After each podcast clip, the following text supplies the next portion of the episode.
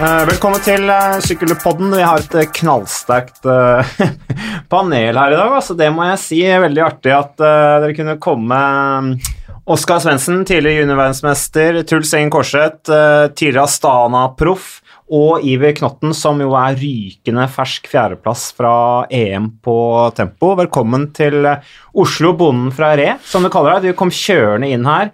Politisk ukorrekt som du er, du tok ikke toget. Og, men du fant en parkeringsplass. Gjorde det. I Oslo sentrum. Det er ikke verst. Og du var rask også?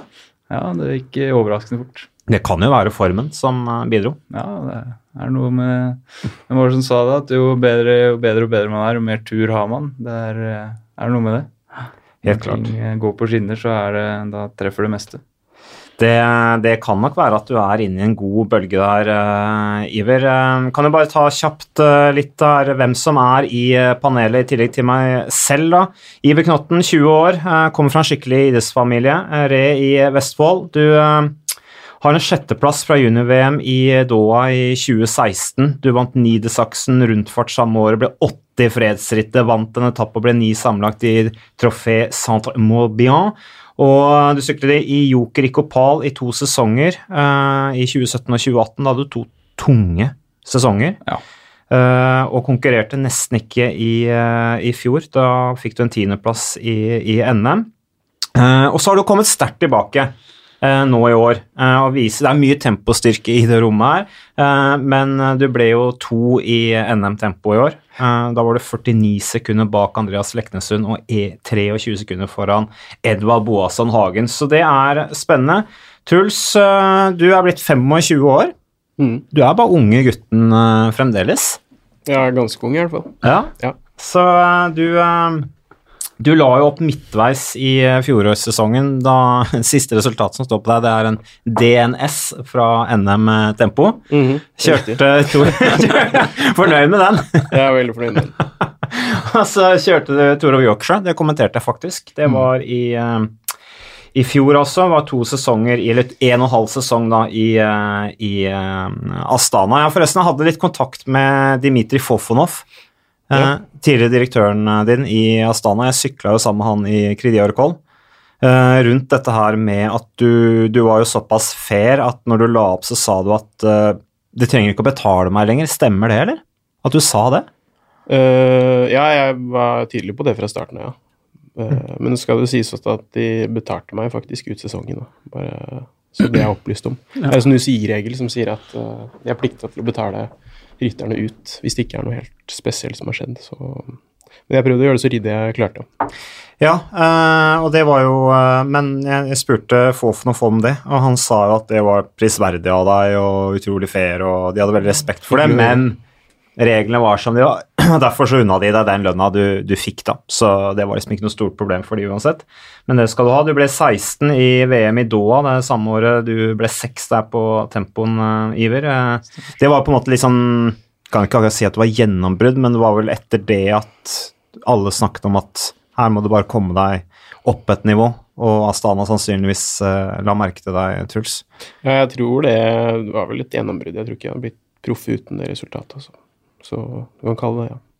Du var en harding i feltet. Eh, du satt som sånn panserbil, husker jeg, i, eh, i feltet der, i sidevind. Eh, krevende vindforhold. Og som den yplingen du var, så klarte du allikevel å komme deg med i første vifta. Sånn, husker, hva husker du fra det rittet? det var veldig varmt, det. Så gikk det fort. Så husker jeg at det var uh, ett parti som var uh, altavgjørende for hele rittet. Og der, akkurat der satt jeg helt riktig. Så det var uh, stangen ned på alle måter. Men det var en kul opplevelse, altså. Men i forkant av det punktet der, som alle visste kom til å bli et avgjørende punkt, så må det ha vært litt kjemping? Jo, det er klart. Det er klart. Men Og der kom panseren i deg fram? Ja, ja, ja. Da var det noen instinkter som kicka inn. Så, ja. Nei, så det er bra. Du, du, var jo en god rytter i litt krevende løyper. Da tenker jeg på litt sånn trange, trange veier og humpete underlag og Paris B. Fullførte det 33.-plass. Det ble 20 i Strade Bianchi, som for øvrig unnskyld, er mye oppover også, eh, på grusvei. Fjerdeplass i eh, Richmond i U23-VM på tempo. Tredjeplass i U23 Flandern rundt. Eh, Så du har mye bra å se tilbake på, Truls. Og så er det Oskar Svendsen. Du er også 25? Ja. Er du ikke det? Jo. 25, ja. Stemmer det. Så, men dere må jo ha konkurrert en del sammen, du og Truls? Ja, det ble en del. Det er jo ett år forskjell. Jeg er 93, Oskar er 94. Ja. Eh, Men vi eh, har konkurrert en del sammen, ja. Ja. Mm. Syklet jo sammen på Joker og Ja. Lillehammer mange år. Og... Mm. Men uh, Oskar, du, uh, bare for å ta litt om bakgrunnen din nå, jo at dette er en sykkelpod. så vi husker deg best fra junior-VM i Falkenburg i 2012. Stemmer det. Uh, da klinte du til og, og vant det juniorverdensmesterskapet foran ingen ringere enn Matje Moric og Maximilian Schackmann. Og i 2013, altså året etter, første året til U23, så ble det fem i Tour d'Avenir. Jeg bare så på de resultatene i stad. Det, det er sånn det går an å henge opp de i stua di, bare sånn at du er klar over det, Oskar. Jeg tror ikke du gjør det, men allikevel. Du var, altså, du var bak Ruben Fernandez i Movistar, Adam Yates, Patrick Conrad, eh, Bakhtajar eh, Korsatsjev i Astana. Du har kanskje sykla sammen med han? Ja. Ja. Eh, du var foran Davide Formolo, eh, Tom Scoyne, Simon Yates, Meravi Kudos, Dylan van Barl, Julian Alaphilippe, Emanuel Buchmann osv. Ja, det var mange luringer i feltet her, altså. Mye luringer. Ja. Hva husker du tilbake fra den tida? Fra det rittet? Tour? Ja. Uh, det er veldig, veldig morsomt ritt å sykle. Uh, kanskje første rittet jeg sykla som passet meg, liksom. Um, jeg hadde jo syklet mye halvkupert, så endelig liksom få komme inn i fjellene og, og ha et helt lag som uh, jobbet rundt meg med Bystrøm og Skjerping og Holst Enger og Hvis ikke jeg skal si noen feil Hoem og Galta, tror jeg. Det ble kanskje for mye. Jeg husker ikke helt. Tror det. Men det var. Galta stemmer det. Jeg Ja. så det. Mm. Ja. Så det var, det var kjempegøy, altså. Skikkelig, skikkelig god erfaring og veldig, veldig, veldig Alt klaffa bra, ikke sant. Det var en bra gjeng, da. Kjempebra gjeng. Og, og jeg var i toppform og veldig gode bein. Og, så ting, ting fløyt da, på den tida der. Men du likte deg oppover. Ja, jeg, det, var, det var jo min greie. ikke sant? Tempo var jo én ting, men jeg var jo også veldig god til å klatre. da. Så samlethytte var jo liksom det jeg skulle bli. da. Men du er høy. Ja, Men det er Bradley Wiggins òg, ikke sant. Ja. Jeg vet ikke hvor høy Froome er vel 80 og noe, tror jeg. Ja. Men uh, altså både Wiggins og for eksempel uh, Ja, jeg husker ikke helt flere, men det, men det, Miguel er, høy. ja? Det, er, det er masse eksempler på samletritt som er lange. Da. Svær motor, lange bein. Det er det, vet du. Moment. Så, men eh, det som er litt artig da med deg, Oskar, har jeg hatt på lista mi Jeg begynte å snakke med dere i vinter, egentlig, om i hvert fall deg, Truls, om ikke du kunne ta deg en tur innom sykkelpodden. Så tok det en stund før du endelig fikk samla, dere her. Eh, Det har litt eh, med, med Iver å gjøre, og at han er tilbake. Vi skal komme litt inn på det etterpå, men til, til Oskar, eh, 25. juni i år så refererer cyclingtips.com da refererer de til en forskningsartikkel Journal of Applied Physiology. Eh, og der, den åpner da med noen ryttere har, lang karrierer, eller har lange karrierer med konkurranse på høyeste nivå. Andre leverer på toppnivå over en mye kortere periode, og så blir de borte fra sporten. Oskar Svendsen er et slikt eksempel, står det, åpner den artikkelen med. Og så skriver de videre Svendsen var et av de mest lovende talentene fra 2012 til 2014. Og så er det, kom litt inn på dette mye omtalte O2-opptaket da, på 96,7, som da var så høyt at det ble en stund sådd litt tvil rundt det, men så fant de ut at det var faktisk korrekt. Alt var riktig kalibrert og sånne ting. Så det stemmer nok, men det er et av de høyeste som er, er sett i sykkel, da. Eh, og så viser denne forskningsartikkelen til flere testresultater som du da har tatt, og hva som skjer med eh, aerobiske kapasiteten før, underveis og etter en periode som eliteutøver. Og Artikkelen viser til da fordelen med gode gener, selvfølgelig, men også utvikling da til en ung utøver som i løpet av en periode på fem år går fra relativt utrent, som de skriver, eh, til eh, da juniorverdensmester, og så bang, legger opp. Eh, og Du starta med fotball og langrenn, eh, og så var det da, står det i den artikkelen at det var en O2-test som førte deg videre til syklinga. Stemmer det, eller? At det var en O2-test som gjorde at du på en måte ble fant at ja, jeg skal begynne å sykle? Det høres jo veldig sånn kontrollert ut. Nei. Det var det ikke. Fake news. Det Altså. er fake news. Det er det. Ja. Men uh, Nei, det var, jo, det var jo Jeg hadde jo blitt inspirert til å sykle gjennom alpint og ting, da. Ikke sant? Så det var ikke, det var ikke noen test. jeg, jeg brydde meg egentlig ikke så mye om de testene. ikke sant? Så, men ganske tidlig, eh, da vi fikk teste og sykle, så hadde jeg ganske gode testresultater. På lik linje med Truls, egentlig. da. Ja, men du var vel Du hadde vel på en måte spesielt gode testresultater. Sånn at eh, det ble lagt merke til ganske tidlig at du virkelig hadde talent. Så jeg regner med at du fikk eh, bra, Ja, bra ja. oppbacking, for å si sånn. Ja, det var, det var mye hype. Det var mye gira trenere på Lillehammer på den tida der. Eh, Men eh, vi var et helt miljø, ikke sant? og jeg testet høyt på Otto, men, og vatten min var også veldig høy, men vatten min var like høy som Tulsin, så vi, vi lå jo på en måte og pusha den på vatt. da. Mm. Eh, og sånn Otto-messig så var vi jo, ikke sant, vi var tre-fire stykker da, som var over 90 Otto. da. Sant? Fredrik Fang Liland som drev på med terrengsykling, og Sonde Kristiansen var jo liksom oppe rundt 90 hele tiden, så det, det, det var ikke noe altså vi var liksom et helt miljø som var pusha, så det var, det var like mye treningsfilosofien over tid der som skapte de mest ekstreme resultatene. Men eh, sånn eh, med tanke på eh, å få meg inn i syklinga, det var, ikke, det var mer sånn egen vilje og kompiser som dro meg inn, og Truls var jo i sykkelmiljøet med en gjeng der og sånn, så Kjente du Truls fra før, eller? Nei, vi gikk på samme ungdomsskole, da. Ja, ja. Men så ble vi jo kjent gjennom sykling, egentlig. ja, det var et veldig godt miljø Ja. når, når du Jeg husker ikke helt hvor gammel du var når du først ble hjemme. Jeg var vel 15, tror jeg. Det var veldig bra og etablert eh, både landevei og terrengmiljø i klubben allerede. Ja. Eller det var på en måte da det blomstra litt opp, føler jeg, rundt den perioden hvor du starta. Ja. Det var skikkelig Altså de årene framover da var, eh, var Ja. ordentlig bra Ja, for så- rekrutteringa. Ja, Lillehammer har- har- er jo et bra sykkelmiljø. Veldig. veldig, Og det var liksom arven etter Edvald og Birken var kjempetydelig. ikke sant? Så klubben fikk jo masse subsidier fra, fra Birken, og der var det masse goder. ikke sant? Og så var det noen ildsjeler, altså Nestenbakken og Olavsson, som kjørte på, og masse ivrige, unge, tullete idrettsutøvere. Mm. Ja, Det som fjaser rundt. Det er gøy, da. Ja, det er sånn det skal være. Men bare tilbake bare for å gjøre meg ferdig med artikkelen. da. Eh, den artikkelen viser til da testresultatet før på en måte du slo gjennom, ja. underveis og etter karrieren.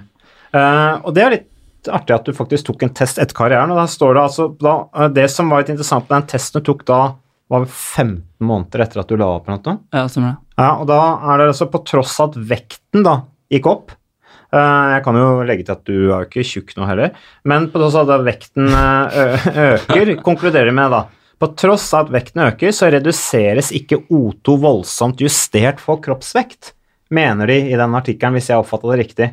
Har du lest den eh, forskningsartikkelen, eller? Nå Nei, jo, nei. Jo, altså, jeg har lest mye av den. Nå har jeg ikke fått tilgang, tror jeg. Men uh, ja, jeg har sett litt på det. Ja, nei, for det står De mener da at uh, selv om du reduserer av mengden sykling, uh, så har det på en måte Eller at mindre sykling har større påvirkning da på kroppssammensetningen da enn O2-en, mener de da. Mm. Så O2-en din faller liksom ikke betraktelig selv om du slutter å sykle, Nei. og selv om vekten øker, da. At på en måte de mener at genene her er så bra. Og så er det gjort lignende undersøkelser på Miguel Indurain, faktisk. Mm. Eh, 14 år etter at han eh, la opp som de mener viser samme utvikling. Så det er litt sånn, kan jo klø seg litt i huet over det, og det er sikkert litt morsomt. Ja. sånne ting. Men eh, eh, jeg tenkte på litt sånn tema her, eh, hvorfor jeg syns det var litt artig å innkalle til en podkast her nå. Eh, det var at jeg syns det er så gøy at Iver har kommet tilbake. Eh, er i kjempebra slag eh, etter noen eh, tunge, tunge, eller par tunge år. Og dette er å snakke litt om utfordringen, det å være et ungt talent og stå i de forventningene som hører med, da. Særlig når man har, har, motgang. Og der er det litt sånn Både du, Oskar, og du, Truls, det på en måte plutselig la jeg opp. Det var litt sånn sjokk for Sykkel-Norge. Og dere ga dere egentlig litt sånn på topp, føler jeg, da. At dere, dere bare ga dere, liksom. Jeg vet ikke hva du tenker, Truls, om det. Nei, eh, det er på en måte riktig å, å si. Eh, Nå er jeg kanskje litt uh, i dårligere form akkurat når jeg slutta enn Oscar, men uh, vi var på ingen måte uh, altså, Jeg var ikke i form når jeg slutta, men jeg kunne sikkert skvisa ut litt terskel et halvt års tid etterpå. Uten å si at jeg hadde kunne vært på proffnivå, så hadde det sikkert vært eh, litt juice igjen. Så jeg føler jo det er likt sånn sett, eh, eh, både for meg og Oskar. Altså, vi var jo vi var ikke ferdig, si det sånn. Det Nei. var noen år igjen å hente der. Ja, vi kunne vært klubbryttere, i hvert fall. Ja. Eh, Litt til. I hvert fall du, Oskar. Ja. Men uh, Iver, for din del, så altså Jeg nevnte at du har hatt et par tunge år uh, bak deg. Mm. Uh, men nå er du tilbake. Har du noen tanker om hva motgangen skyldes, eller? ja, det var jo lenge vanskelig, fordi vi fant liksom aldri noe svar da, på Gikk egentlig bare rundt og ikke stemte. Altså det, du fikk perioder på to-tre uker hvor ting på en måte skøyt litt riktig vei. Uh, du, ting stemte, og terskelen øka, og du liksom kjente at du responderte på trening. Uh, og så ble du sjuk på på stort sett luftveisinfeksjoner, da, som i øvre del av luftveiene, som, som da gjorde at du mista en uke, halvannen, kanskje to på, med trening. Og da starta du liksom på scratch sånn hele tida, da. Og første sesongen eh, på Joker så klarte jeg liksom å, holde et såpass greit nivå at jeg fikk kjørt noe løp, jeg fikk noen resultater. Eh, men, og fikk til og med kjørt norgesrekord på, på tremil eh, etter en periode med bra med trening. Men jeg hadde da heller ikke trent noe særlig mer enn halvannen måned med, uten sykdom da, på det tidspunktet. Men da som andreårs, så på en måte når det gjentok seg hele tida, så mista jeg så mye Kall det grunntrening, da. Eh, at eh, det begynte å gå utover eh, Altså, du hadde mista så mye at det, det, var så vanskelig å komme opp igjen. da. Og når du da ikke fant svar på dette her gang på gang, og du var rundt om overalt for å prøve å finne ut hva det er, da nå, Og det tok, det tok egentlig hele fjoråret før du liksom fikk noe svar på det. Det var egentlig etter sesongen hvor du da fant ut at jeg hadde gått rundt da med tett, tette bihuler og, og tett eh, venstre nesebor, da, som førte til at eh, all den driten som lå oppi der, kom ikke ut. Eh, og da fikk du da Si du gikk en uke eh, med kall det en virus i, i, nesa, da. Og så kjørte du en hardøkt, og så slo den ut, på en måte. Eh, det var det som var litt konklusjonen. Så da det operasjon, få blokka ut nesa og endra opp i bihulene, da. Og etter det så har det vært stor forskjell, selv om den prosessen er ikke helt ferdig med at eh, det tar, bruker ca. et år da, på å stabilisere seg. Så den prosessen er ikke helt uh, ferdig ennå. Men uh, det har jo skjedd store, vanvittig store forandringer på, på, både hvordan sykdomsprosessen foregår. Altså jeg har ikke vært helt frisk, men jeg har vært sånn som alle andre får en og annen uh, sånn luftveisinfeksjon. Det er jo vanlig som toppidrettsutøver. Men jeg har på en måte, De har vært kortere, eh, mindre intensive. Man har kanskje klart etter to-tre dager å trent eh, en time, halvannen til to eh, rolig, og ikke hatt to uker uten trening. på en måte. Og Det har ført til at jeg gradvis egentlig fra sånn midt i desember til nå har liksom hatt bra med trening. Selv om jeg hadde en liten periode i februar-mars hvor det var litt, litt dårligere, men det var egentlig mer fordi at man hadde vært litt vel ivrig da, eh, etter operasjonen i januar, eh, hvor jeg da fikk kanskje litt vel med trening. Eh, at det var mer at det førte at kroppen ble sliten og, og, tam da, en periode der. Men det har egentlig vært steady sånn Ting har liksom gått sånn steady i riktig retning da, hele veien. Og det det gjør jo at uh, du får en helt annen sånn gnist og glede ved å drive med toppidrett òg. Uh, for det, det, var perioder uh, i fjor som det var, var, tungt, det må jeg innrømme. det var perioder som man ikke var Kall det Sjøl om man alltid jaga og prøver å bli frisk, så når man går liksom for andre-tredje måned på rad med dårlig trening, så du får en sånn dårlig på en måte Du havner inn i en litt sånn ond spiral. da Eh, og ting, eh, når ting ikke stemmer. Så ja. Ja, for du mista jo også sant, eh, avtalen med Joker, eh, som jo er et av de Stemmer. mest lovende miljøene som er i, i, i, landet, og måtte på en måte ta et steg ned igjen. Det var, mm. Er Vestfold Hva heter laget du er på nå? Eh, Tønsberg sykkelklubb er jeg Tønsberg CK Elite, men jeg har også hatt en del med Oslofjord, da, altså Team Oslofjord, som har hjulpet oss eh, bra i, i, i år. Uh, ja, det, og det, det, å miste den kontrakten, det er jo klart at det uh, Akkurat per nå så er jeg jo uh, Nå mener jeg jo sjøl at jeg burde kanskje vært tilbake på, på, et kontinentalnivå. Jeg mener at jeg holder, holder i hvert fall kontinentalnivå, men Eh, Det er, jeg, jeg er jo ikke helt uh, upartisk i den, i den eh, settingen der. Uh, jeg skulle gjerne ønske at de, de holdt meg i, i laget, eh, og at man fikk eh, noe mer backing der, da. eh, når den beslutningen kom om at du ikke fikk, eh, fikk kontrakt eh, i 2019. da. Eh, Var det sjokk for deg, eller så du det komme? Selvfølgelig så når du på en måte har hatt en sånn sesong, så ser du, du Det ligger jo i bakhuet at det kan, kan skje, eh, men jeg håpa jo at de så på meg som, som fortsatt som en Kall det et utviklingsprosjekt, da. Eh, for på det tidspunktet var jeg jo fortsatt Jeg hadde jo ikke fylt eh, 20 år ennå. Eh, og, og man man håper jo at de ser på det som at du har mulighet til å komme tilbake. Eh, eh, det er vanskelig å vite hva de mente der og da, eh, men jeg mener jo at den, den beslutningen med, med å da kaste meg ut, at det, eh, det sender jo noen signaler på hva de trodde om framtida. Sjøl om man da har fått eh, beskjed etterpå at eh, de har trua, men, eh, men jeg, jeg mener at det, det sender noen signaler da, når du, når du ikke får den kontrakten og ikke tilliten. Uh, Sjøl om man eh, hadde jo ikke levert det året, eh, men det var jo på det tidspunktet bare akkurat et år siden man kjørte et VM i Bergen. Så, så ja. Eh, men eh, jeg har eh, tatt det til meg og tatt til meg det som motivasjon eh, når da man fikk svar på ting, eh, og brukt det som en sånn Så du har blitt Boost. motivert av det? Du har tent deg en gnist i liksom? Du har lyst til å vise, Ja, vise det- det, eller? det er klart det. måte, At du... når de da, Når man da ikke får fornya tillit, at man da skal vise at det, det var feil. eh, Det, det er klart at det har jo vært en sånn som ligger baki der som, som gjør at du blir enda mer motivert. så du har trua på deg sjøl, da? Ja, jeg, jeg mener jo det. At, at jeg har, har noe, viktig, med, ja. har noe i, i det sirkuset der å gjøre. Ja, men det er ikke så rart, da, med de resultatene du har. Talentet er jo der.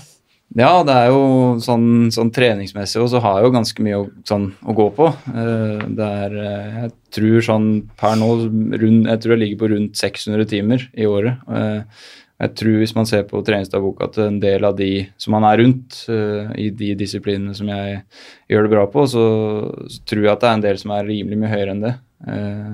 Og veit at det er en del som er høyere enn det.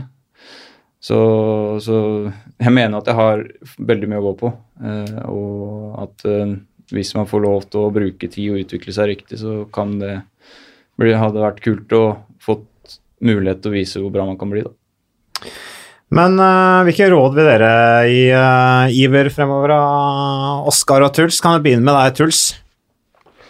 Du er sånn filosof, er du ikke det? Jeg syns jeg har hørt noen rykter om at du leser bøker med gamle filosofer og Stemmer det, eller?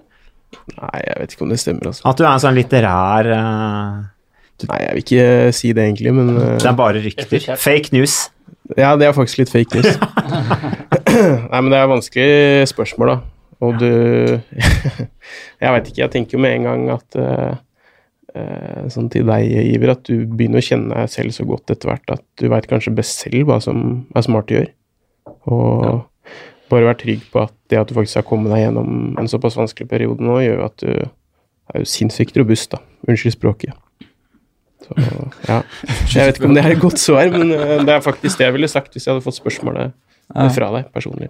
Jeg, jeg må innrømme, Ivar, også, og, og, og det kan man gjerne arrestere meg på, men jeg, jeg trodde du var ferdig etter fjorårssesongen. Uh, og når du da på en måte ikke får sykle videre i Joker, liksom, og du hadde det talentet du hadde, og sånne ting, så tenkte jeg at skal mye til å komme tilbake fra et sånt liksom, klubbnivå i Norge når du har vært så lovende, alt ser så bra ut, og du har den motgangen du har, osv. Så, videre.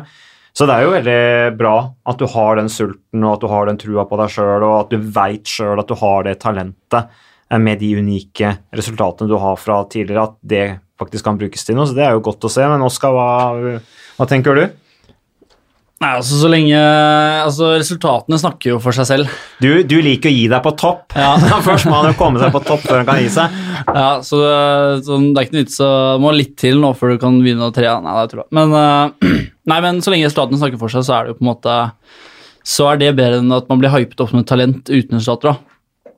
Jeg eh, Altså, det er, det er jeg vil si at det, det, Man kan være mye tryggere på seg selv hvis du er U23 og senior og har gode resultater og får på en måte en lagplass på bakgrunn av det. da, ikke sant? Eh, Det er en tryggere vei å gå enn å bli henta inn som et talent eh, basert på fysiologiske resultater eller andre ting. Nå var jo jeg litt sånn Jeg vant jo junior-VM, liksom, men jeg var jo dritdårlig senior, ikke sant? så jeg, jeg gjorde jo pissdårlig første året. Men, eh, men eh, Nei, det er bare å stå på stø grunn og ha troa på seg selv, ass. Det er eh, Altså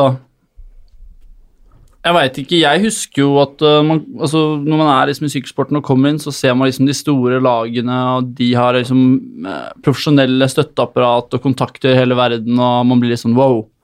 Dette er store, seriøse greier, men altså, de kan jo ikke drive lag uten gode ryttere heller, på en måte. Og så lenge man anser seg selv som en god rytter og tror på det man driver med og har en god trener og sånne ting, så er jo Da er man på en måte Da er man det de trenger, da. Altså, så, så det er bare å Ja, men ja, sånn som ikke, du ikke la seg stresse av de ja. greiene der, liksom. Men du, sånn som jeg oppfatter deg nå, Oskar, så er det sånn at du tenker at jeg er så god, så laget trenger meg. Men realiteten er jo der ute at det er så masse ryttere at det er jo litt sånn kjøpers marked for liksom, i hvert fall de som har på en måte den kapasiteten som er den, ikke har den unike kapasiteten som det du hadde, da. Jeg vet ikke om jeg Ja. oppfatter deg feil nå. Nei, nei, altså, altså jeg um, Jeg bare sier at på en måte Jeg føler at Iver nå nesten allerede har prestert Altså vel Altså Jeg skal ikke begynne å måle resultater, da, men altså eh, fjerdeplass i EM, da. Hmm. U23-EM er jo et sinnssykt bra resultat, ikke sant. Samme med andreplass i NM og slå Edvard hele pakka. Så kapasiteten er jo der. Ja, og du er Eh, foran Andreas Leknessund også, som jo jeg mener i hvert fall er kanskje det største talentet vi har Ja, i, landet for øyeblikket. Ja, så, så jeg bare husker sånn, for, for, min del så var det sånn greit, uh, Høyoto vant uh, VM og sånn, kom en joker, og skulle begynne å sykle ritt for de, så gjorde jeg det ræva, ikke sant, før jeg kom til Tour Lavenir da, med landslaget. Så jeg hadde jo null selvtillit første året, jeg liksom. Jeg husker jeg ble hentet av kostebilen og fikk høre kostebilsyndromet ganske Det tidlig. Det er gøy. Men det er liksom uh, slag man får i trynet. Så på en måte å ta et steg tilbake, fokus på seg sjæl på klubbnivå, uh, løfte kapasiteten, og så liksom ta den veien, er bedre, da. Enn uh, med mindre du har masse selvtillit når du kommer inn i pro-kontoplaget. Jeg, jeg hadde på en måte egentlig ikke det selv om jeg hadde vunnet VM. For det er, stor forskjell på en 20 km tempo og et 180 km fellesstartitt i Bretagne, liksom. Ja, det er men litt det man sier nå om uh, World Tour-ryttere også som, uh, som kommer hjem. Eller altså, Mm. Nå er det snakk om Daniel Hoelgaard, ikke sant? at det kanskje er sunt å ta et steg tilbake, komme tilbake til det trygge miljøet i Norge. Eh, ha litt tid der før man eventuelt tar steget ut igjen. Vegard Staker Lagen er et eksempel på det også. Uh, så, så det kan jo være noe i det du sier der som ligner litt på det også. Men uh, du var inne på dette med overgangen til U23 og, og da disse hardt Altså Joker, som jo var det beste laget i Norge, som satt på veldig mye bra invitasjoner til bra sykkelløp. Følte du at det var litt sånn sjokk å ta steget opp i U23 og sykle de U23-rittene som Joker hadde invitasjon til? Syns du det var brutalt? Var Ja, men vi sykla ikke så mange U23-løp, vet du. Nei. Vi sykla kanskje ett eller to. Husker, husker du det? Ja, det var ganske, ganske få. Altså. Ja, ganske få, så, så uh, jeg Altså Det var kontinental, Ja, pro-kontinentalnivå. pro-kontinentalnivå var eh, For meg var det veldig sjokk, da. Uh, men det var jo fordi at jeg ble typa så til skyene etter uh, VM og sånn. Altså, du kjente på presset? Ja, jeg kjente jo på presset, men jeg, altså, jeg sa jo ikke det. Jeg sa nei, jeg føler ikke på presset utad. Alle sier at du på en måte kan gjøre hva du vil, men jeg hadde jo forventning til meg sjøl. Og så hadde jeg jo skyhøye O2-målinger og kjempehøye wattverdier og liksom Kapasiteten i grunnen var bra, på en måte. Men når du da drar ned og kjører liksom uh, halvkuperte ritt og sånn, uh, noe som Joker har gjort i veldig mange år, da, ikke sant? de kjører veldig mye De kjører kanskje noen flatløp i eh, Nederland og Belgia, og sånn, og så kjører de mye i Frankrike, som er uh, Ardenne og Bretagne og sånn. Normandie. ja. Normandie ikke sant, i løpet der. Og der ble jo jeg altså jeg ble jo grilla der, da. Stekt. Levende.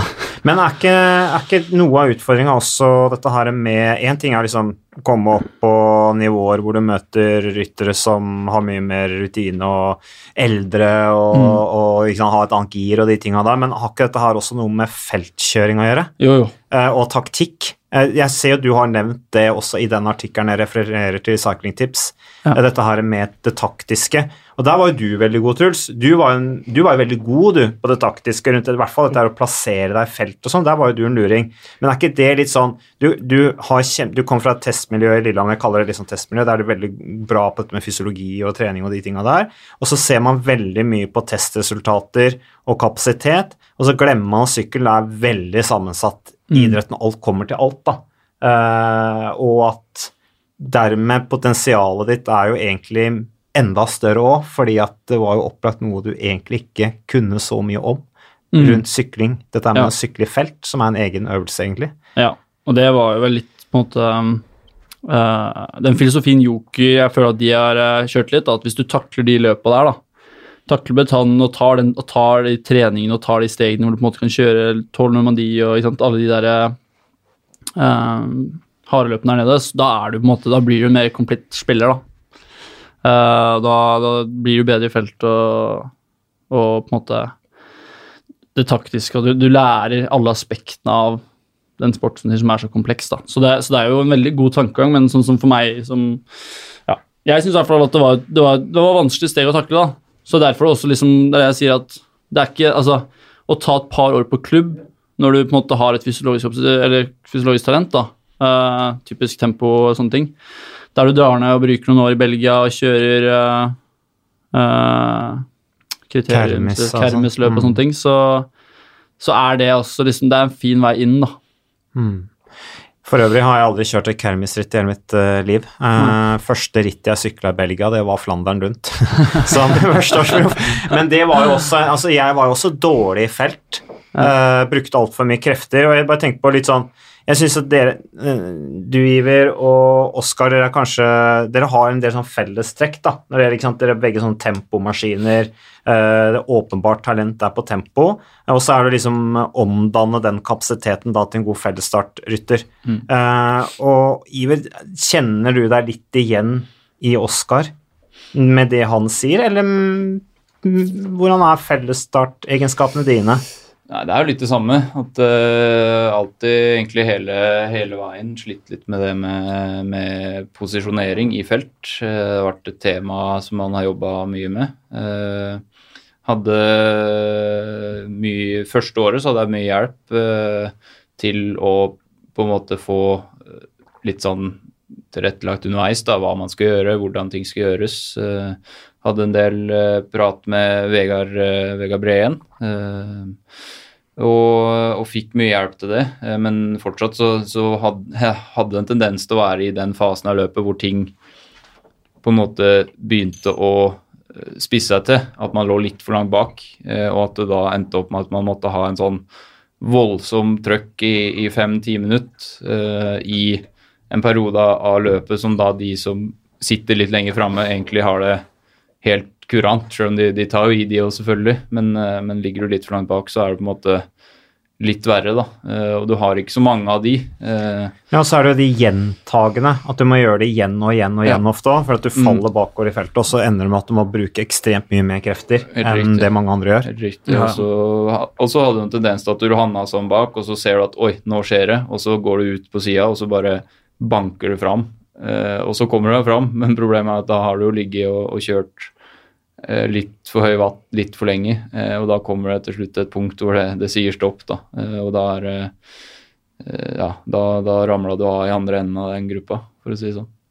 For det, sykling handler jo veldig mye om å bevege seg rasjonelt i sykkelfeltet. Mm. Uh, og det er klart at kapasitet hjelper jo, men eh, den der eh, Og det, det, har jo også vært snakk om Chris Room òg, at han har vært elendig til å kjøre i felt og utvikla seg veldig mye og sånn. Men Oskar, du sier at du fikk hjelp av Vegard Breen. Eh, Jeg husker jeg hadde snakka en del med Gabriel Rask om det, for Gabriel er jo god i felt. Eh, Hvem var det som veileda deg, Nei, jeg, jeg hadde også hjelp av Vegard Breen en del litt, han var jo på Jokla da jeg syklet der. Uh, men ell- ja, ellers så tror jeg jeg fikk litt uh, hjelp av litt forskjellige.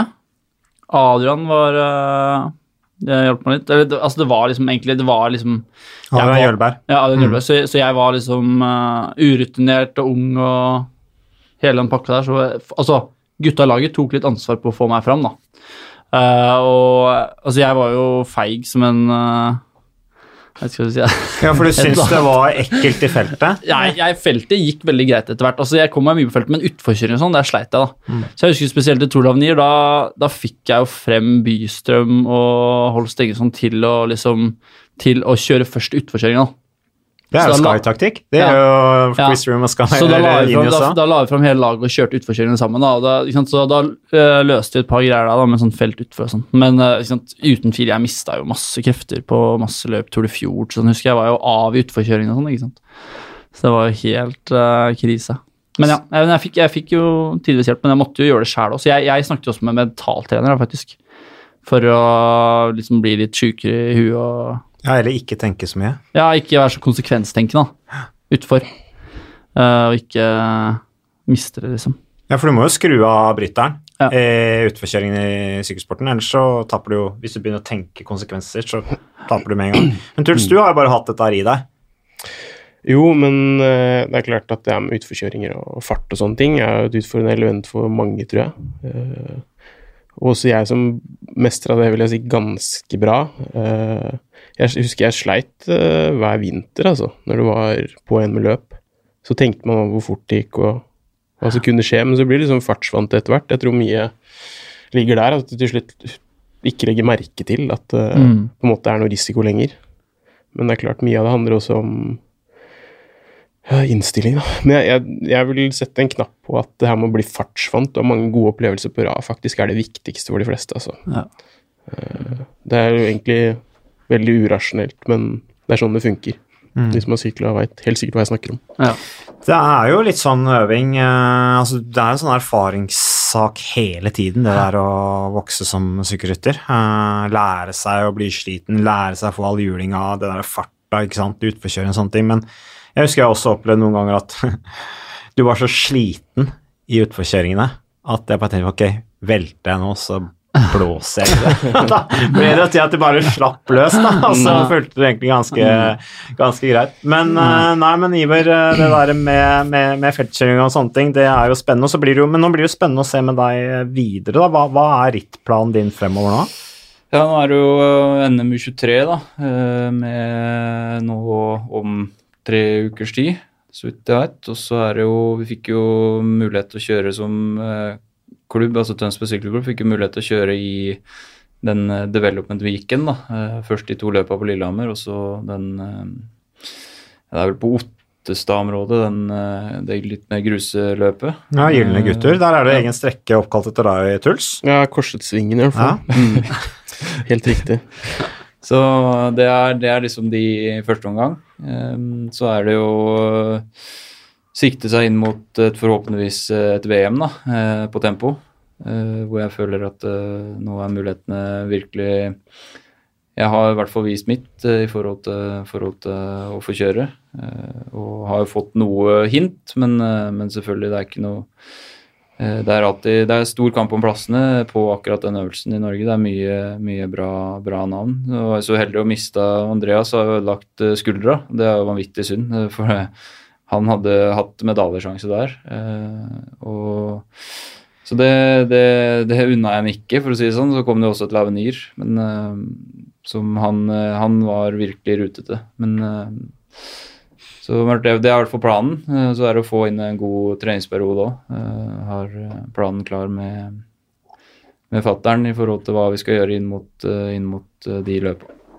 Så VM er det store målet nå, da, med Unvex Unex Development Weekend, men der som jo også er på en måte et stort mål, med Ja. bra deltakelse og flotte sykkelløp og Helt klart. Det er også en Forhåpentligvis, det blir jo spennende. Antagelig så kommer han eh, Mikkel Bjerg kommer antagelig dit. Eh, Han var i hvert fall der i fjor. Eh, Laget skal dit. Så jeg regner med han kommer, og det er klart det er jo en fin sånn pekepinn i forhold til hvor man ligger, da. eh, Hvis man skulle kjøre VM. Eh, Det, han har vunnet to år på rad, så, så er man i nærheten av han, så er mulighetene gode.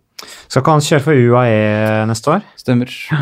Så det er jo absolutt en rytter som, uh, som vi skal se litt opp for, Mikkel Bjerg. Men dere, nå, Truls og Oskar, dere, dere har jo lagt opp begge to. Uh, Truls, hva driver du med nå, forresten? Uh, jeg tar opp fag. Videregående fag. Mm. Ja, Og så tenker du å bruke, Hva skal du bruke de faga til? Eh, jeg holder det foreløpig ganske åpent fram til våren, og så ser jeg hvor bra det går, rett og slett. Og så tar jeg det derfra. Ja. Mm. Hvor ser du for deg selv om ti år? Åh, det er et godt spørsmål. det er et godt spørsmål. Jeg er faktisk ikke helt sikker. Nei. men jeg håper jeg kan drive med noe som er eh, givende, spennende, Kult. Mm. Jeg ble jo proff som 25-åring, du er jo 25 nå, så Mm. da hadde jeg et vakuum på sju år. så du har jo god tid, du også. Og du, Oskar, du, er- du har studert i mange år allerede. Du har studert i mange år nå, så Nei, Jeg er snart ferdig med det. Nei, men uh... Du kommer fra en akademikerfamilie òg, du. Ja, det var faren din som snakka om Ja, det har din far vært veldig fornøyd med. fordi Min far har antydet at du er for smart for å sykle. og sånt.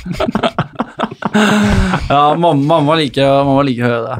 Uh, Nei, akkurat det. Ja, ja, de er, men ikke sånn veldig tradisjonelle. De har, de har ikke pusha noe på det, liksom. Nei. Så um, Nei, men jeg, jeg studerer da. Begynte jo med det etter jeg slutta. Rett på psykologistudier for å rønske opp i hjernen og finne ut hva egentlig var som skjedde. Det var det som var målet. Ja, det Har det vært en oppdagelse for deg, eller psykologi, Nei, men altså, du, du lærer jo litt sånn begreper og konsepter og sånn. altså, Mye om det der med er så typisk at der psykologistudenter begynner å analysere alt og enhver ting. Men eh, Ja, eller at man sier at psykologistudenter tar det som en sånn der selv, Ja. altså en selvbehandling, på en ja, måte. selvbehandling. Ja, det er masse folk som sliter der. ikke sant? Men uh, nei, jeg, jo, jeg har lært mye om det med personlighet og sånn.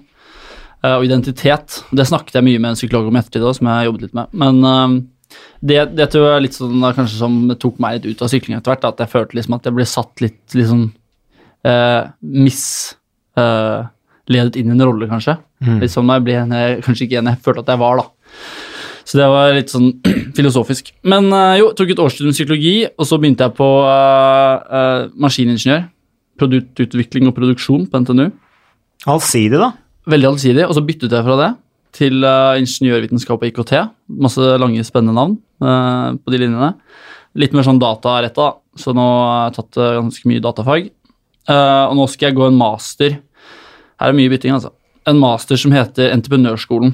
Ja, Du sykla jo ikke så lenge heller, så det, er på tendensen, da. Tendensen er veldig klar, da. Hoppe rundt ubesluttsom. Men eh, nei, så Jeg har studert i fem år, men er ferdig med tre år, og så skal jeg gå den master som heter Entreprenørskolen. da. Ja, Du er nysgjerrig, vil jeg si, da. Ja, du er nysgjerrig nysgjerrig. på Ja. ulike ting. Veldig nysgjerrig. Så det blir gøy. Så da skal jeg starte på et firma snart. En startup. Ok, og Da skal dere lage hva for noe? Det er det jeg finner ut i løpet av høsten. Ok, Du skal starte et firma som skal lage noe, men du vet ikke hva du skal lage ennå. Så det er greia med entreprenørskolen. da. Ja. Du får en idé, og så syretester du, og så går du inn i en startup etter hvert. og Du skal liksom lære gjennom masteren å starte opp en bedrift da, Hmm. mens du skriver master. Men uh, det jeg var inne på, det er at dere har lagt opp, dere har begynt på noe helt nytt. Uh, og bare for å liksom uh, Vi syns det, det er gøy med sykkel, og følger med på sykkel. Ja, veldig, Eh, og vi veldig. Ønsker nå sykkelsport alt vel. Mm. Og vi ønsker jo at Iver skal nå langt, og at han skal bli så god. Hvor ser du deg selv forresten om ti år, Iver? Eh, Hva er målet ditt? Nei, målet må jo være å etablere seg i, i toppen, da. På, I de disiplinene som jeg syns er kule. Og da, tempo er jo en av de øvelsene jeg syns er, er mest gøy, da. For jeg liker den kall ærligheten, eh, hvor det på en måte er Selv om det er noen faktorer inne der òg med forhold til aerodynamikk eh, og, og hvordan du er rett og slett eh, forma kroppslig. Eh, noen kan ikke bli aeronok, men eh, det, jeg liker den kall det litt mer ærlige biten, at det faktisk det er start og mål på samme plass. Det er den som kjører fortest fra A til B, det er den som vinner, da. Eh, at det ikke er fullt så mye sånn taktikkeri og, og gjemme seg bort, da. Eh, fordi- Kynisme. ja, eh, hvor da på en måte eh, jeg, jeg er jo ikke den beste på akkurat den biten med å liksom gjemme seg bort og, og være litt sånn kynisk. da. Eh, Jeg er heller han som kommer inn eh, hvis du har vært i brudd og er litt sånn forbanna for at du ikke har dratt mest i bruddet. da. Du kom fra langrennsfamilie, du, vet du, Iver. Så det, det er jo liksom vært løp hvor, hvor det har vært eh, fokus at eh, jeg burde dratt mer da i bruddet, og så har du egentlig allerede dratt mest fra før. da. Så den, den må man på en måte få snudd litt da, hvis man skal lykkes på fellesstart. Men jeg liker det med, med tempo. Og syns også den der litt sånn teknologiske liksom, utstyrsbiten da, eh, med alt det der, de små tinga, små detaljene som teller. da. Jeg syns det er litt kult. eh, Og ja, så det er der jeg ønsker å komme helt til verdenstoppen. Og vil, kommer man dit, så føler jeg at da, da er det muligheter for å, å eh, etablere seg høyt på andre i andre kalde disipliner innen, innen sykkelsporten òg, da. Men kortsiktige si kort, kort, kort, mål. Hva, hva er målet for VM? Nei, altså er jo, man er jo såpass tett på, på toppen der, da. At eh, jeg vil jo si at det å, å gå for en medaljeplass i VM er jo ikke, er jo ikke utenkelig. Uh, klaffer ting, så, så er det fullt mulig. Uh, Ja. De gutta som er foran meg, det er gutter som har kjørt både til seier og medaljer der tidligere. Og de som er i området der, er også veldig etablerte, gode ryttere som har vært på høyt på U23-nivå tidligere. Så man er liksom midt i den gjengen. eh, og det er små ting som teller. Det er dagsform, eh, det er disponering, eh, andre ting som Treffer man, så, så kan det virkelig, i hvert fall medalje, være mulig. Ja, Hvordan er den tempoløpa egentlig? Den er, På U23-klassen så er den sånn kall det småkupert eller relativt flat i starten. Og så er det to sånne små kneiker på midten og så ganske flatte mål. Så sånn i forhold til EM-løypa så passer den meg egentlig bedre. Eh, Jeg liker at det er litt sånn eh, Man må jage litt mer fart. da, Eh, At det ikke bare er sånn bank og kjør, liksom. Altså, det er faktisk litt opp og ned, at man må jage litt svinger og at det ikke bare er helt flatt, sånn som du har i Nederland, da, hvor det, det er liksom bare å sitte og trå jevn vatt, så, så, så kjører du fort. da. Blir jo fantastisk VM òg, i eh, Yorkshire. Blir kjempestevning. Ja, blir gøy. Du har jo sykla Tour Yorkshire, det er jo også blitt et fantastisk eh, sykkelløp. God stevning. Mm, siste proffrittet mitt, faktisk. Ja, det var Siste- fint sykkelløp å avslutte med, da. Ja, det var uh, faktisk uh, en krasj jeg avslutta med. Jeg husker jeg holdt på å dra med. Cavendish uh, de siste, siste sekundene av karrieren. Men det er flott uh, Fun fact. ja, men det er veldig flott sted, så jeg ser for meg at den passer deg bra, den, Ivi. Løypa der. Ja, tror du. Mm. Eh, Truls, eh, du har jo vært proff på øverste nivå i, i Astana. Hvordan var den erfaringa?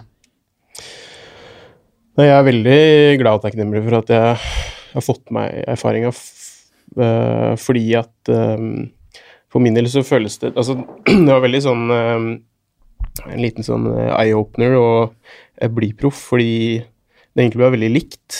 Det var ikke noe særlig stor forskjell. Jeg var fortsatt syklist, måtte fortsatt trene. Kjørte fortsatt uh, ritt, men samtidig så var alt kanskje finpussa litt ekstra, da litt høyere nivå, be, litt bedre organisert. Uh, og alt var liksom ett steg opp, men, men utrolig likt, altså. Slående likt. Det var veldig mye normale folk. Det er en sånn ting jeg tenker tilbake på. At uh, egentlig for meg kanskje var litt overraskende, fordi du um, er borti mye øh, rart idrettsverden. Uh, når du er ung spesielt, fordi det er så mange som uh, altså jeg har vært sånn selv. eh, Ung, uh, dum, overambisiøs, hyperseriøs. Men min opplevelse var at når jeg ble proff og møtte folka som var i proffsirkuset, så var det latterlig mye familiefolk og normale mennesker. Så ja, det var litt interessant. Og behagelig. egentlig. Ja, veldig behagelig. Veldig behagelig. Og jeg tror det er ganske nødvendig også. Vi skal holde på lenge. Og gjøre litt sånn som resten av verdens befolkning faktisk gjør. For du er jo et menneske, da. Det er det det liksom Ja. Du kommer ikke unna det faktumet der. Nei, det er jo ikke glamorøst på noen måte å bli sykkelproff, øh, og det er jo som du sier, helt normale folk. Ja, jeg mener ikke å si at det ikke var kult og sånne ting, Nei. men øhm, det var uh, litt mindre annerledes enn jeg hadde trodd. Uh, ja. Det sier jo kanskje noe om at du var et ganske bra miljø i utgangspunktet, da, Ja, helt med. Joker. ja. Jeg tror alle vi har vært ganske, ganske heldige, egentlig, opp igjennom uh, i rekrutteringsfasen. Så Men det er ikke alle som har den oppfatningen når de blir proffer, da. Altså, det er jo, altså, Uten å nevne navn, men altså, både med mindre franske lag og italienske lag og sånn, så er det jo, kan det jo være liksom lagkulturer som er veldig sterke og veldig på en måte pushende. på den. Det, jeg vet ikke om du har opplevd det, Mats, men Nei, jeg fall var helt greit, liksom. Det var godt organisert og bra, og jeg var jo, bodde jo mye på rom med Fofonoff, blant annet, Ja, ja, ja. Uh, som er en utrolig hyggelig fyr, Uh, som jeg tror var en ganske behagelig sportsdirektør eller manager også Mm. i Astana, som på en måte skjønner litt hvordan ting er og, og er litt dum, men det er klart, som du sier, Oskar, det er jo mye lag som er ikke er bra, eh, med dårlig ledelse. Det er, det er proff, ja, men det er egentlig dårligere enn det man finner på amatørnivå i Norge, da, rundt organisering. Så, og da, så, så man går jo en risiko, man skal ikke være naiv når man reiser til utlandet, men Truls, du fikk jo totalt kontrakt med Astana. Mm. Uh, og det er jo et av de større lagene. Ja, du kan jo være det var mye dansker der også. Ja, det var, jeg var nok ganske heldig sånn sett, egentlig. Det er klart at uh, Altså, jeg er fullt klar over, sånn som du sier, Oskar, at uh, det er ikke bare solskinnshistorier rundt omkring. Nei. Spesielt hvis du spoler tida litt tilbake. Så eh, Nei, men samtidig så er mitt inntrykk at det er mange gode steder i proffrekken å være, altså. Hvis man kommer dit en gang.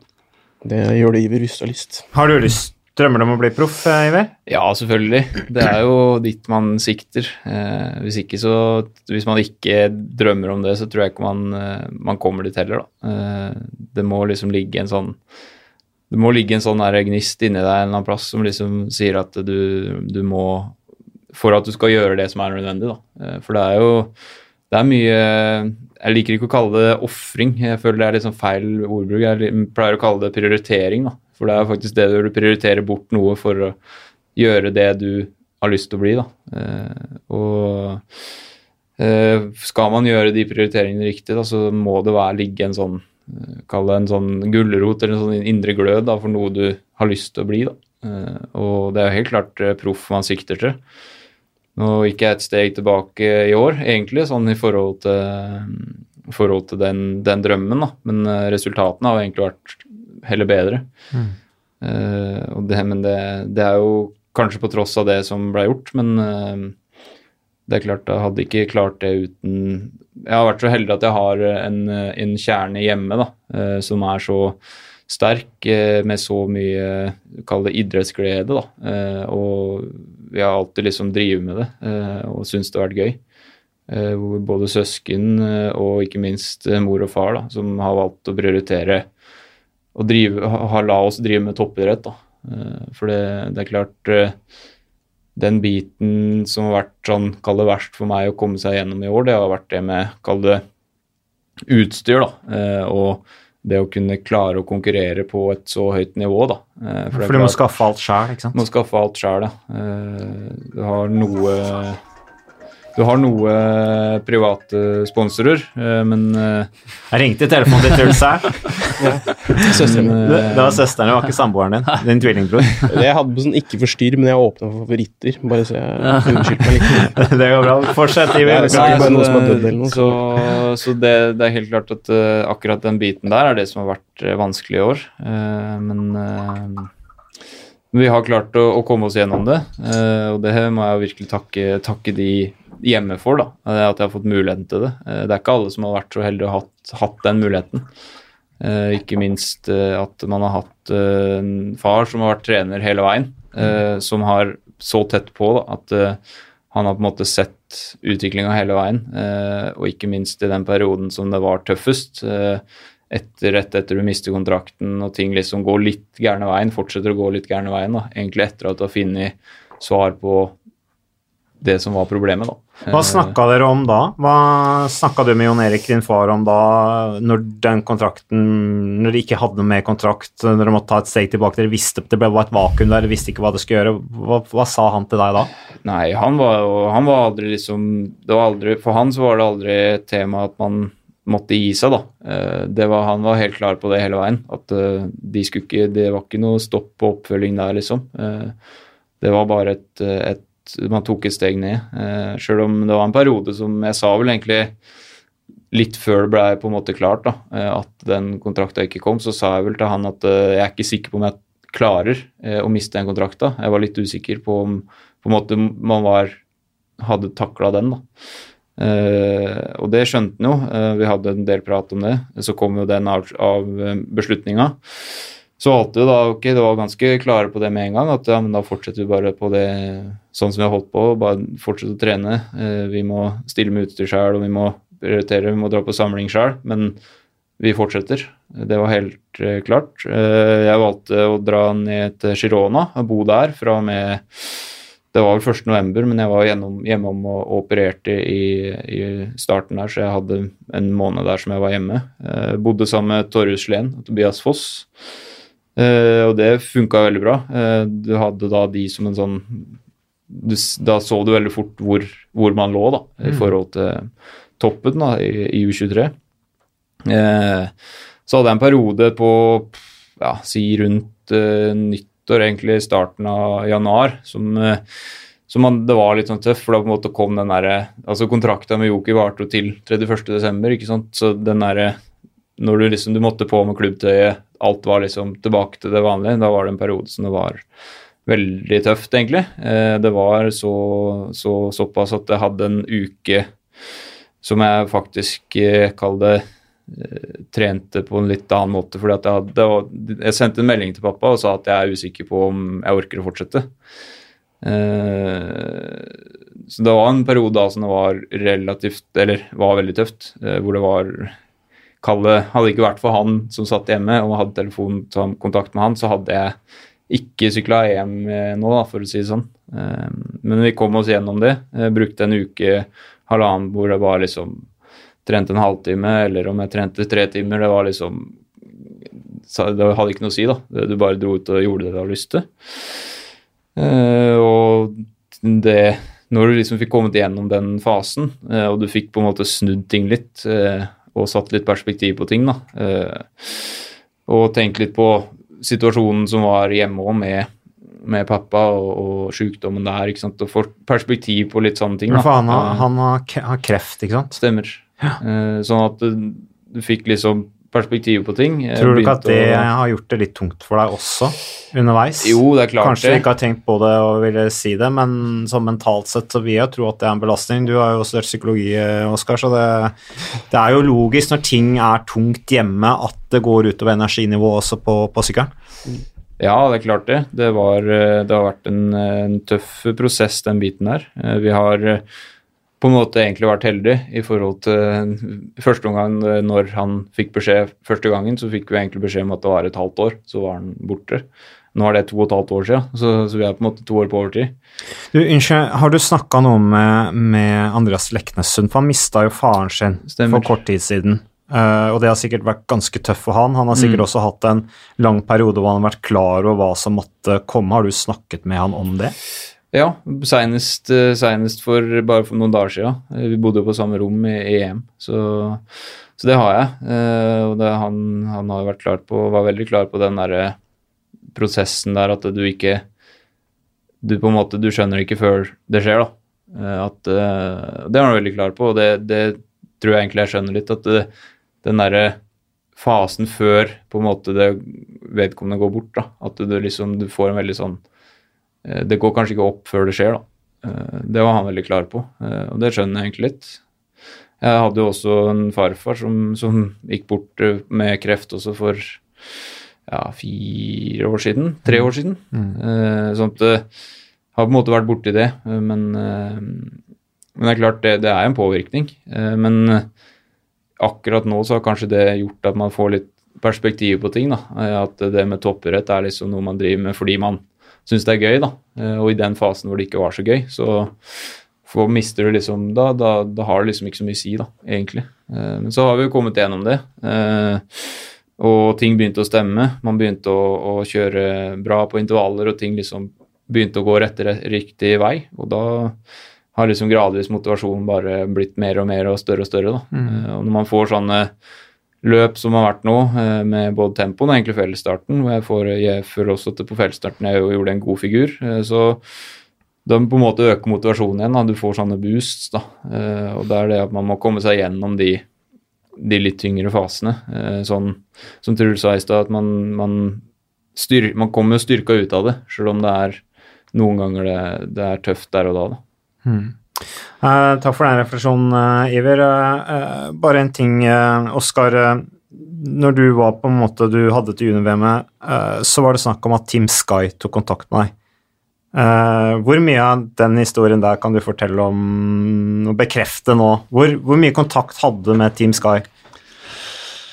Jeg hadde ikke så mye kontakt. Oi, nå snakker jeg veldig høyt. Men uh, det er jo det er litt sånn der uh, Nå kan jeg si alt. Dette, ja, jeg bare fyr oss. Fortell oss hva skjedde. Nei, men det var, det var, ikke så Jeg hørte liksom bare mye om at det var mye samtaler, ikke sant. Mm.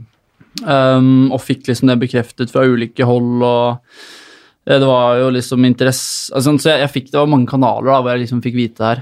Både på en måte fra, fra laget med, med Gino nevnte, eller Birger og sånn, uten at jeg fikk noe direkte. Jeg tror de prøvde å skjerme meg mye for det. Mm.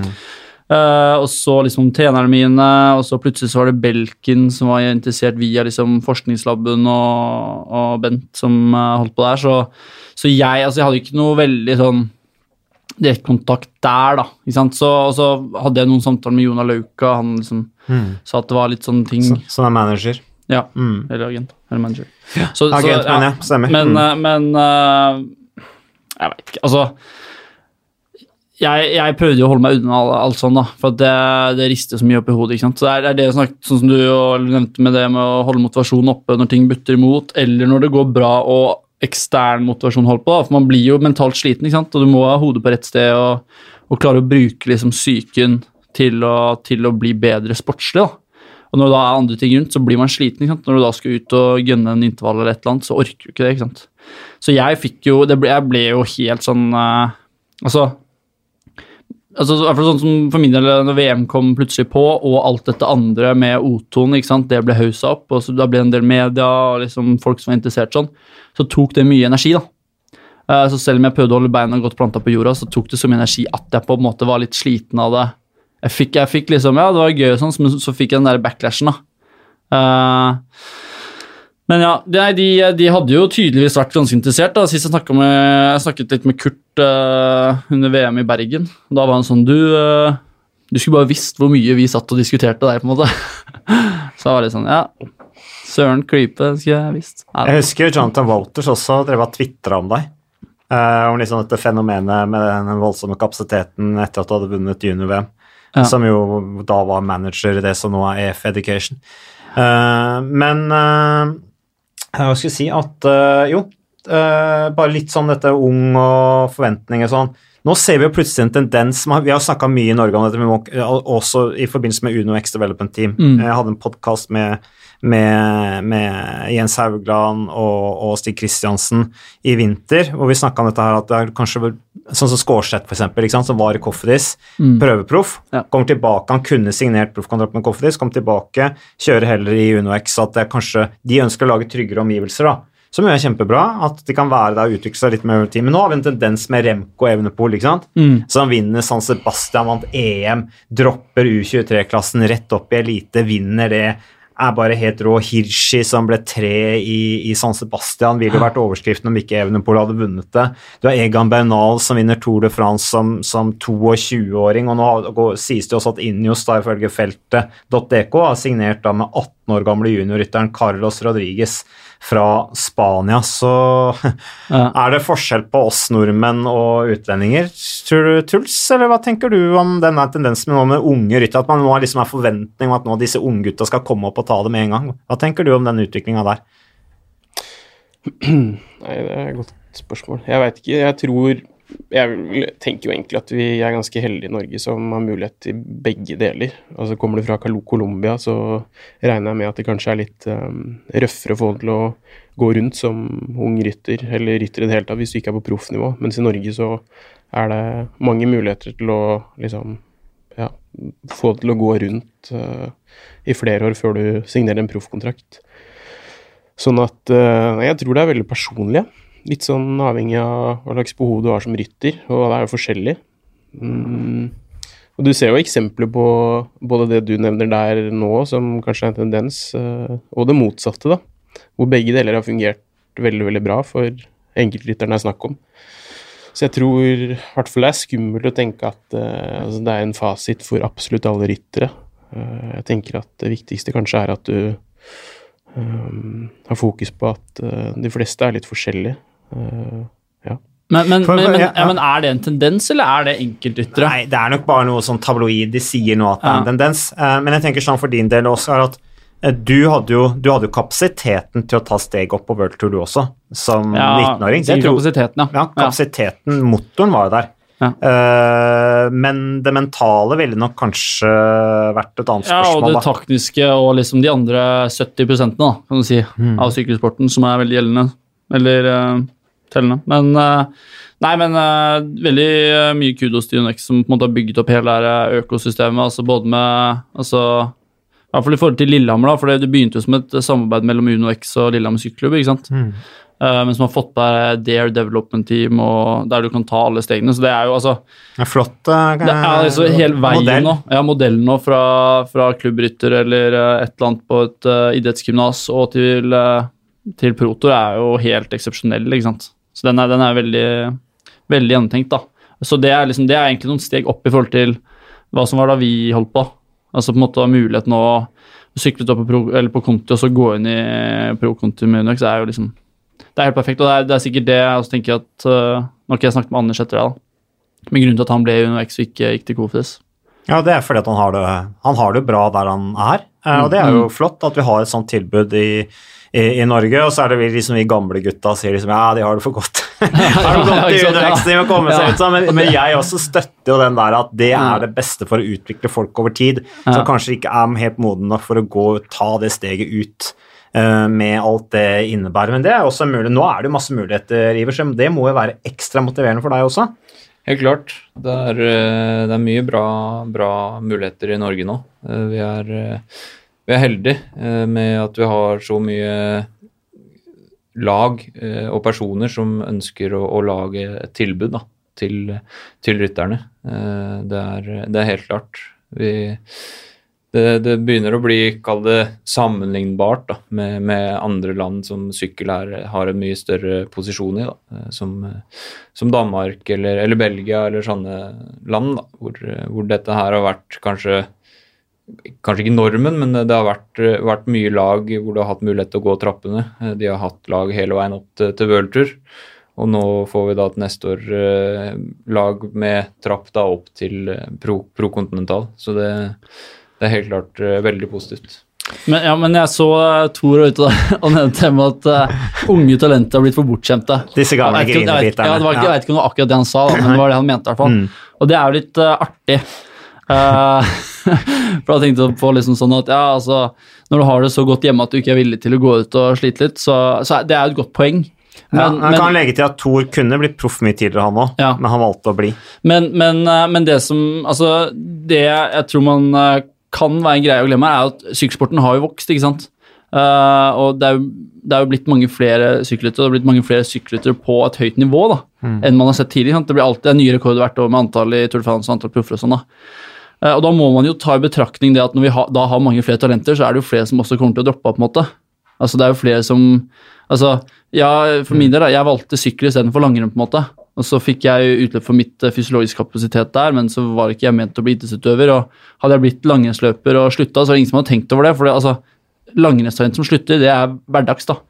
Mens tidligere så er det på en måte de, de som har kommet gjennom og, og blitt proffer, de har liksom fortsatt, ikke sant. Så Men eh, Men Men det har eh, vært så få av oss, ikke sant? Så Ja, det har sant, vært en sånn voldsom Ja. backing for å fortsette Også. for å fortsette.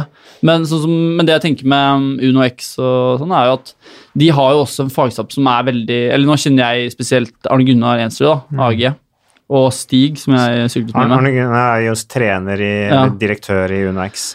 Og, og Espen Aareskjold og sånn, og de er jo personer som har beina veldig, veldig godt planta på jorda. da. Um, i hvert fall synes Jeg har veldig god erfaring med Stig og Age spesielt, da. Så på en måte ja, Jeg tenker i hvert fall sånn at uh, det gjør ikke noe at støtteapparatet og sånn er bra når, eh, når staben har, uh, god kontroll. Så um, nei, det, det virker superast. Skjerping sa også det at uh, opplegget og støtteapparatet i, i Univex er jo bedre enn det han hadde følt han hadde i Kendale. Mhm. Ja, på- Altså for at det er liksom så gjennomført og bra, da.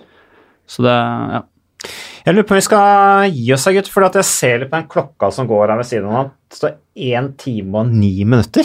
Og da har vi hygga oss lenge inn i studio her, så øh, hvis ikke er noe det vil brenne veldig for å si. Jeg lurer på, Iver, hva, hva er liksom drømmescenarioet nå fremover med lag og fremtid og sånn? Det er litt morsomt å svare på. Ja, eh, drømmescenario Nei, det er Nå kan du legge inn en eh, søknad. Ja, det, er, det er det jeg tenkte. En søknad til lag. Ja, eh, nei, altså Jeg føler jo at det hadde jo vært vanvittig kult om man kunne få, få tillit i, i Uno X. da. Eh, Det hadde vært kult. Eh, Jeg tror jeg har, føler at det, det er eh, et, et bra sted å være, eh, tror jeg. Eh, Jeg har eh, kompiser som, som er der, og, og har jo et relativt tett forhold til Torre Sleen. er Kommer fra samme klubb i, i, i Vestfold, så vi har jo hatt eh, mye kontakt og vært mye sammen. Eh, så det sånn på, på norsk basis så er, så er det helt klart det, et, det stedet man ønsker å være i Norge i dag. Eh, Så har jeg også egentlig litt trua på det. Jeg har også hatt eh, noe kontakt med Jeg har prata litt med, med Gino, eh, og i forhold til det å kunne tenke tanken å finne noe lag i utlandet, da. eh, I Ja. Belgia f.eks. Eh, med da Selvfølgelig på, på kontinentalnivå. Eh, man har ikke, jeg, har ikke, jeg har ikke resultater nok til å gå, gå noe videre derfra, tror jeg. Eh, men eh, å finne noe lag der, jeg tror det også er en, en mulighet. Eh, Ja. Helt klart. For Man, man må, det er et råd. Du må, man må liksom ikke glemme å fokusere på seg selv og heller altså i hvert fall Når du har et bra utgangspunkt sånn som du har nå, med resultater, og velge lag ut ifra rittprogram og sportslig oppfølging, liksom. Mm. Altså Så det med Henrik Evensen som gikk via Nederland, var det? Mm, SCG. SCG der, og så Mm. tilbake Altså Så var det veien hans for å komme inn på Joker, da. Mm. uh, så det er ikke sant jeg, jeg, Det kan godt hende at jeg, eh, selv om jeg hadde en super tid i, i Joker og fikk masse backing der og, og trivdes kjempegodt, så kan det godt hende at jeg skulle valgt et lag som kjørte mye mer klatreløp. ikke sant? Mm. Og, og Skal du på Dare Development Team, du, da? Ja, De skulle, det skulle hatt for noen år siden. Det er litt seint. Nei da. Nei, men, eh, ja, men ikke sant? et Ja. eller annet da som, som kjørte med, for det, ble, det var landslaget som hadde de rittene som passet meg. Da. Så. Samtidig som du trengte nok å kjøre litt sånn Normandie Jeg vet ikke om du Ja, kjørte Normandie, at du trengte å kjøre de rittene der, for det er liksom realiteten. Det er realiteten. Så det, Eh, det er skal du lære det, så Ja. jeg var også litt sånn at jeg finner aldri noe ritt som passer meg. Men så kom jeg til det rittet som passa meg, så passa ikke det meg heller. liksom. så, det, så det Nei, men tusen takk, karer, eh, til eh, Oskar Svendsen og Truls Engen Korseth og, og Iver Knotten for at dere tok turen hit til, eh, til Sykkelpodden. Veldig hyggelig. Og jeg, Mats Gagstad, vi takker for oss, og så holder vi kontakten alle sammen.